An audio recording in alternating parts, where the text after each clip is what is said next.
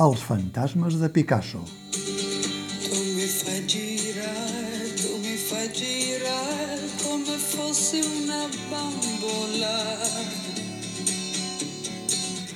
Poi mi butti giù, poi mi butti La fanfara del rum treu a ventilar els fantasmes de Picasso. I la trup del rum i companyia fan el salt des del clown pur a la dramatúrgia clàssica textual, però sense prescindir mai del joc de la pista amb els instruments musicals de rigor, el nas vermell quan convé i les patacades imprescindibles, aquesta vegada patacades de caire tràgic, però tot al voltant de la vida i miracles del pintor malagueny que en aquest muntatge, tan festiu com revisionista i crític del personatge, interpreta l'actor Jordi Martínez, sortit d'un bagul que vol ser un sarcòfag, perquè en el fons la cosa va de treure la pols al vell geni del cinquantenari i a les velles glòries que l'envolten, com l'escriptor i cronista de circ Ramon Gómez de la Serna, o les diverses dones de la vida de Picasso, Jacqueline, Marie-Thérèse, Dora, Françoise, i tal i tal altre, o el pintor Juan Gris, o el poeta Guillaume Apollinaire. I sempre, això sí, a l'ombra de Montmartre i per damunt del París mític de la revolta de les lletres i les arts. L'espectacle és un seguit de retaules que van i venen per les imatges icòniques que es poden tenir a la memòria del pintor. L'Arlequí, els acròbates de circ, la colombina, el laberint del Minotaure.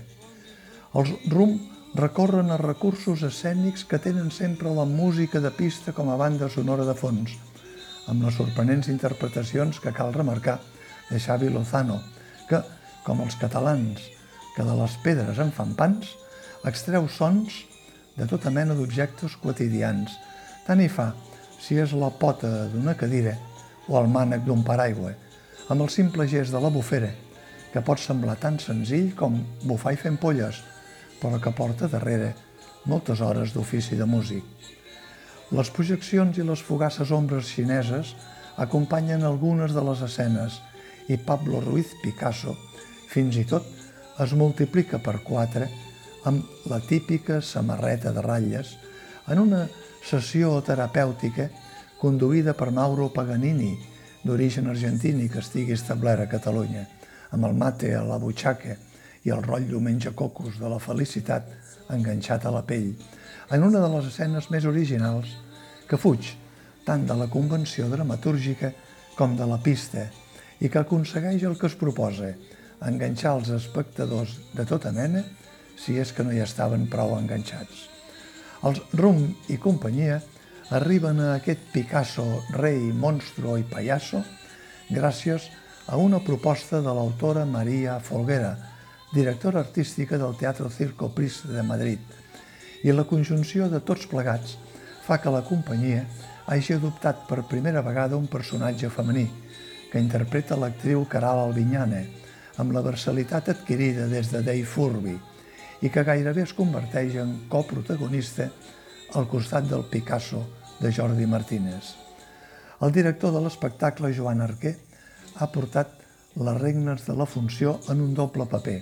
el del pallasso de la fanfara i el del personatge de Ramon Gómez de la Serna, vestit blanc segle XX, que, juntament amb Lluc Armengol i Piero Steiner, configuren la trup de clowns que passen revista el Picasso geni, el Picasso comunista, el Picasso blau, el Picasso rosa, el Picasso cubista, el Picasso del Guernica, sense passar per alt el Picasso misògin, el Picasso maltractador. Eren altres temps dins el context es justifica el geni, fins a arribar al Picasso convertit en moneda de canvi de l'especulació capitalista a costa de l'art. És a dir, el Picasso rei, el Picasso monstre i el Picasso pallasso, que ha inspirat l'obra dels Rum i companyia i que, amb la distància del temps vençut, posa tots els fantasmes de l'època en el lloc que els correspon.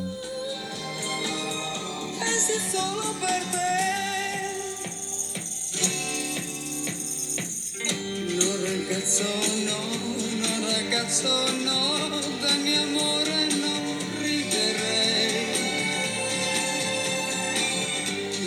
gioco più, quando giochi tu sai far male da